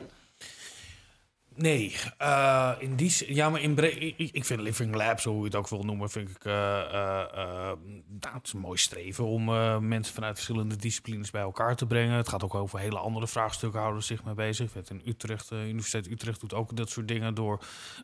wordt ook het besef dat je inter- of multidisciplinair Ja. moet zijn om grote vraagstukken op te lossen, Ja. is zeker in het universitair onderwijs wordt steeds sterker. Eh, en dat het ook interessant is en dat je daardoor een soort probleemgestuurd onderwijs krijgt. En dat je als professional, zeker als universitair opgeleide, ook moet kunnen samenwerken. Nou ja, je hebt een hele lijst van hè, eh, sociologie en filosofie en dat het allemaal van waarde is. En dat je dat op een plek samenbrengt. Wat ook nog eens een keer eh, wat dan authentieke vraagstukken zijn. Ja, daar ben ik heel erg voor. Ehm, dat was je vraag, toch? Vind ik een goed idee. Of het allemaal functioneert, ja, dat, dat moeten we dan. eh, dat- dat- het idee is goed, maar of het dan Ja. ook daadwerkelijk gaat En functioneren. het gaat natuurlijk om, inderdaad de communicatie die daar dan in plaatsvindt, om Ja. juist die te problematiseren. Van, we kunnen dus, we roepen al jaren, dit is zo'n groot probleem, dit kunnen we niet oplossen zelf. Ja. Breng de mensen bij elkaar. Maar volgens mij, dan begint het juist, het verhaal pas. Hoe gaan Nou ja, we dat dan dit- doen? weet je, om een vreselijke term te gebruiken, is de T-shaped professional. Eh, we hebben natuurlijk eh, de afgelopen 30 jaar heb je een soort hyperspecialisatie gehad in Ja, wetenschap. ja, ja. Waarin de ene eiwitdeskundige niet meer met de andere kon praten, want die had een net andere verbindingen, wat dan ook. Dat zie je in alle vakgebieden en je ziet nu weer een tegenbeweging daarin dat het als een deugd wordt gezien of een onderdeel van professionaliteit, voor, zowel voor studenten als voor mensen die aan de universiteit werken. Dat is dan die T-shape, dat je ook die verbreding kan zoeken. Dat je met elkaar in gesprek kan gaan en kan gaan zoeken. En dat je, eh, eh, wat dan, ik hoorde laatst, eh, hoe heet het nou, scientific humility zou moeten hebben. Dus je moet een soort nederigheid tonen van je eigen expertise ten opzichte van de expertise van anderen. En dat dat een heel mooi uitgangspunt is om ook daadwerkelijk met naar elkaar te luisteren. Van kan een wiskundige of een filosoof of een biowetenschapper of noem het maar Ja. op. Kan je ook daadwerkelijk met Ja. elkaar in gesprek komen? Ja, je, je zegt het nu als een, als een deugd, denk ik. Maar ik denk zelfs dat de, de realiteit gewoon, de harde realiteit is dat we het zonder elkaar niet kunnen. Nee, ik. dat denk ik. ik- Dus het is in die zin, we hebben dit vraagstuk waar we het net over hadden in de Oipol, daar heb je gewoon een, een, een, een ecoloog bij nodig, maar ook een landbouweconoom die meedenkt van hoe Ja. gaan we dit, hè? een socioloog die dit gaat onderzoeken. Dus is, is, het En je is, ziet dat multinationals hier steeds meer op inzetten ook. Hè? Die juist eh, van die monocultuur af willen. Ja. Niet alleen in de diversiteit van mensen op basis van eh, geslacht of van etniciteit. Maar ook qua expertise wat ingebracht moet worden. Omdat nou ja, we weten dat daardoor ook bij organisaties beter gaan functioneren. En hoe gaaf is dat ook, hè? dat je dus met, met al die wetenschappers of, en al die maatschappelijke partijen ook, hè, multi- en transdisciplinair, dat je bij elkaar zit en zo'n en zo'n vraagstuk mag aanpakken. Ik, ik vind dat ook fascinerend om daar ook, ik ben zelf geen ecoloog hoor, maar ik, ik vind het heel gaaf om daarmee te praten. En daar, Het vorige is week was bijna nog in zichzelf ook weer een soort ecologisch systeem. Ja, dus Ja, dat is toch heel, dus echt, Ja. daar, ook daar zoek je dus die Linde, ik, zie je wat zorgelijk kijken bij Nee, deze ik vind het leuk dat, eh, dat jullie zo blij kijken. En, eh, en, eh, en, het, en dan klinkt het van, nou, dit, dit gaat gewoon opgelost worden. Met dit- onze dit 21st probleem. century skills die we gaan inzetten. Ja, terwijl ja, ik denk dus altijd, ik, ik, ik eh, eh, ja, die living labs, ik ben daar dus wel wat, wat kritischer op, of hoe dat nou precies vorm moet krijgen eh, Ja. in de praktijk. En het is ook gewoon eh, een soort ehm, eh, eh, oplossingsdenken zonder echte oplossingen Ja. of zo. Dus het, het idee is ook als we dan eh, als ehm, eh, overheid zo'n living lab faciliteren, dan hebben wij ons ook aan, dan hebben we onze Ja. plicht gedaan of zo. Ja, maar dat, dat, is, dat gebeurt vaak. En daar zetten we dan een potje geld op en dan, en dan laten we dat gaan. Precies, dan is het een, dan is het een living lab en dan, dan ben je er eigenlijk al. Maar Precies. volgens- wat ik net inderdaad zei, nee, dat, daar, dat is het startpunt. Precies, En het dan? Living Lab is niet de Het is, oplossing. het, is, Nee. het, is, een, het is een middel om dit, dat aan te pakken. Ja. Maar ja, daarmee ben je Maar goed, ik vind het positief. Positief eh, dat vind ik leuk. En dan ben ik blij dat de ijsbeer toch gered gaat worden. We gaan naar het beantwoorden van eh, de vraag. Ehm, je zei net al, Wim, het verlies van biodiversiteit is geen technologische uitdaging, maar het is een sociale uitdaging. En als we dat dan aannemen, is er dan een rol voor media in het keren van verlies van biodiversiteit? Hoe kan die rol eruit zien? Ik geef eerst het woord aan Vincent. Kan jij er Ja. nog even over nadenken? Vincent. ik, ik ben heel cynisch. Eh, in die zin dat ja, het is een, een, een, een sociologische vraag. Uh, maar de urgentie is denk ik zo groot dat er pas wat gaat gebeuren als wij echt de harde consequenties eh, van dit soort veranderingen gaan meemaken. Uh, laten we zeggen, als er doden vallen. Uh, dat gebeurt een, een, Ja, maar uh, lekker dicht bij huis. Uh, in Nederland werd de gordel geïntroduceerd toen er waar genoeg verkeersdoden waren. Dit soort maatregelen die van bovenaf Mhm. worden gegeven, als we met elkaar om tafel waren gaan zitten met alle belanghebbende gordels, willen we dat of niet, waren er nooit gordels gekomen. Ik denk dat Je het bent cynisch. Ja, Kunnen in- de media daar een rol in spelen? Ik denk, nou ja, de media, dat zijn wij natuurlijk. Hè. Wij, wij, eh, maar het, het idee dat we een soort debat kunnen faciliteren of het verhaal vertellen. Ja, de media kunnen een rol spelen om te accepteren dat er andere mensen zijn die beter weten dan wij gewone burgers. Die bepaalde maatregelen afkondigen omdat het niet anders kan. En dat moet top-down en dat moet directief zijn. Eh, anders, ja, dan gaan we allemaal naar de haaien. Eh, ik denk dat dat de enige manier is. Wim, Ja, ik denk dat dat toch wel eh, ook en-en is. Ja, want Als er nog haaien zijn. wat, wat je net beschrijft, het verhaal van de gordel, dat, dat, dat is natuurlijk een ander verhaal. Want ehm, het klimaat, op een gegeven moment is dat, eh, is dat gewoon onherstelbaar. Als wij het gaan, zodra we het gaan merken, is het op een gegeven eigenlijk moment zijn die bijen gewoon dood. te laat. Zijn de ijsberen Ja, weg? nou, nou is de natuur, wat ik al eerder zei, echt heel veerkrachtig hoor. Dus eh, wat dat betreft. Maar goed, het, het, het punt is, ehm, eh, ik, ik vind het mooi. Dit, ik, ik kan het voor een groot deel ook in inleven. Ik, heb wel, ik vind wel, we, we moeten het proberen. Dat is het minste wat we kunnen doen. Om toch onszelf als mens uit te dagen om die stap vooruit te denken te maken. Hoe, hoe, in 2030, 2040, 2050, ook denkend aan de generaties hierna. Ehm, want anders is het te laat. Dus ik zeg niet van dit, dit, dit moet. Maar ik vind in ieder geval, ik wil zelf alles eraan geprobeerd hebben om dit, nu het weten, we wisten het. Ik zeg het hier ook Weer nog even halen bij, we Eskeboest.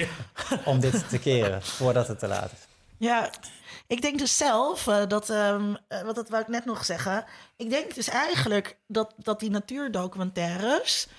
Eh, dat die schadelijk zijn. Ja. Dat, Hmm. dat, dat, die, dat die het erger maken. En dat wat David Attenborough pro- pro- probeert te doen nu met zijn met iets wat alarmerende toon, dat dat niks uitmaakt, omdat juist dus die natuur daarin zo buiten onszelf geplaatst wordt als Ja. een plek die je kunt bezoeken of eh, eh, waar je van mag Nou, wat snoepen. zij? Dat het zo Maar, dichotomisch maar eh, is. precies, maar de, de, de echte weg vooruit is dus voorbij de dichotomie. Dus op zoek Ja. naar nieuwe coalities, kansen. Dus we, we moeten die natuur veel meer. eh, die- dan- ja. ja. dus die moet meer verbeeld worden als iets eh, waarin wij mee in samen zijn eh, bestaan. Eh, dus dat, dat is denk ik een, een eerste stap. En dat is heel lastig om te doen. Want die, want die, want die natuurdocumentaire porno, daar kijken mensen naar. Het is Ja. niet voor niks dat Netflix deze serie eh, eh, zo heeft, Ja. heeft aangekocht. Ja. En, ehm, en we willen juist kijken naar, naar die natuurporno en niet naar natuur in de stad. Want we lopen elke dag door de stad. Dus daar kunnen we ons niet zo aan, aan verlekkeren. Dan ben ik heel cynisch over, over eh, het opinieklimaat. Wat op dit moment helemaal niet gunstig is voor, eh, eh, voor welke vorm van, van deliberatie dan ook faciliteren. Ehm, dus het, het moet op dat, op dat tussenniveau zitten. Ehm, en, en dat is eigenlijk hoe meer je het buiten de media doet, zou ik zeggen, hoe beter In eigenlijk. het Dus het- echt, in, het, in de natuur zelf, in ja, het dus, dus Ja. mensen, je moet mensen ongemedieerd Ja. met elkaar laten praten. Dat is beter dan, Ja. dan gemedieerd. Of eh, als toneelstukje voor de media, waar de media eh, kijkers mee willen trekken.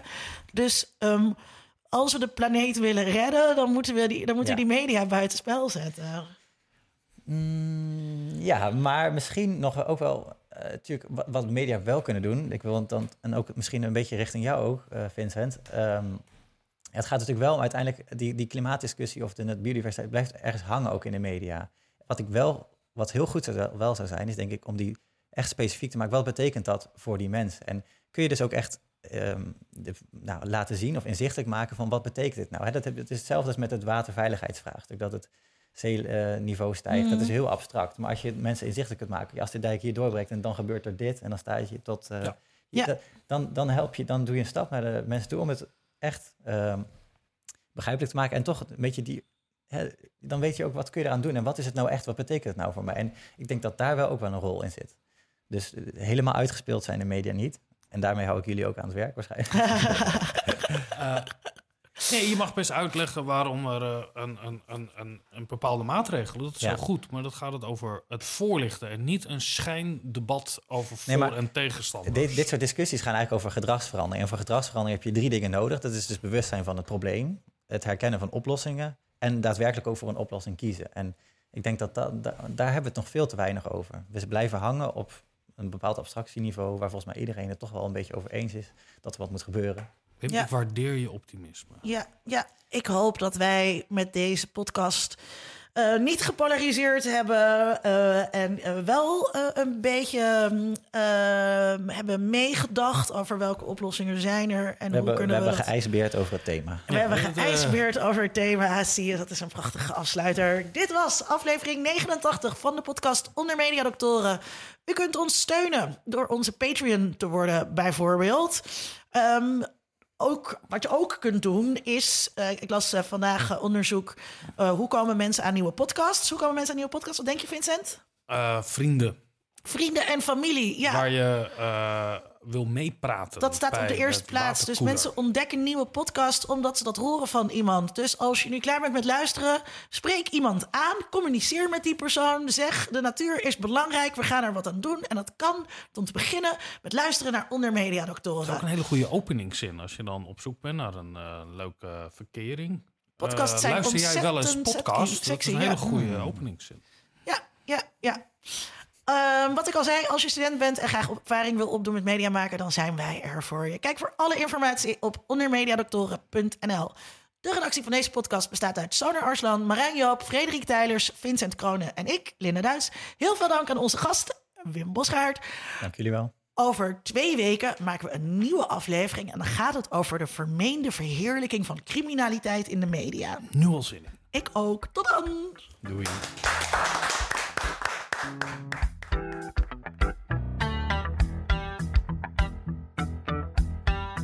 Onder Mediadoktoren is een podcast van Vincent Kronen en Linda Duits. Meer informatie vindt u op ondermediadoktoren.nl.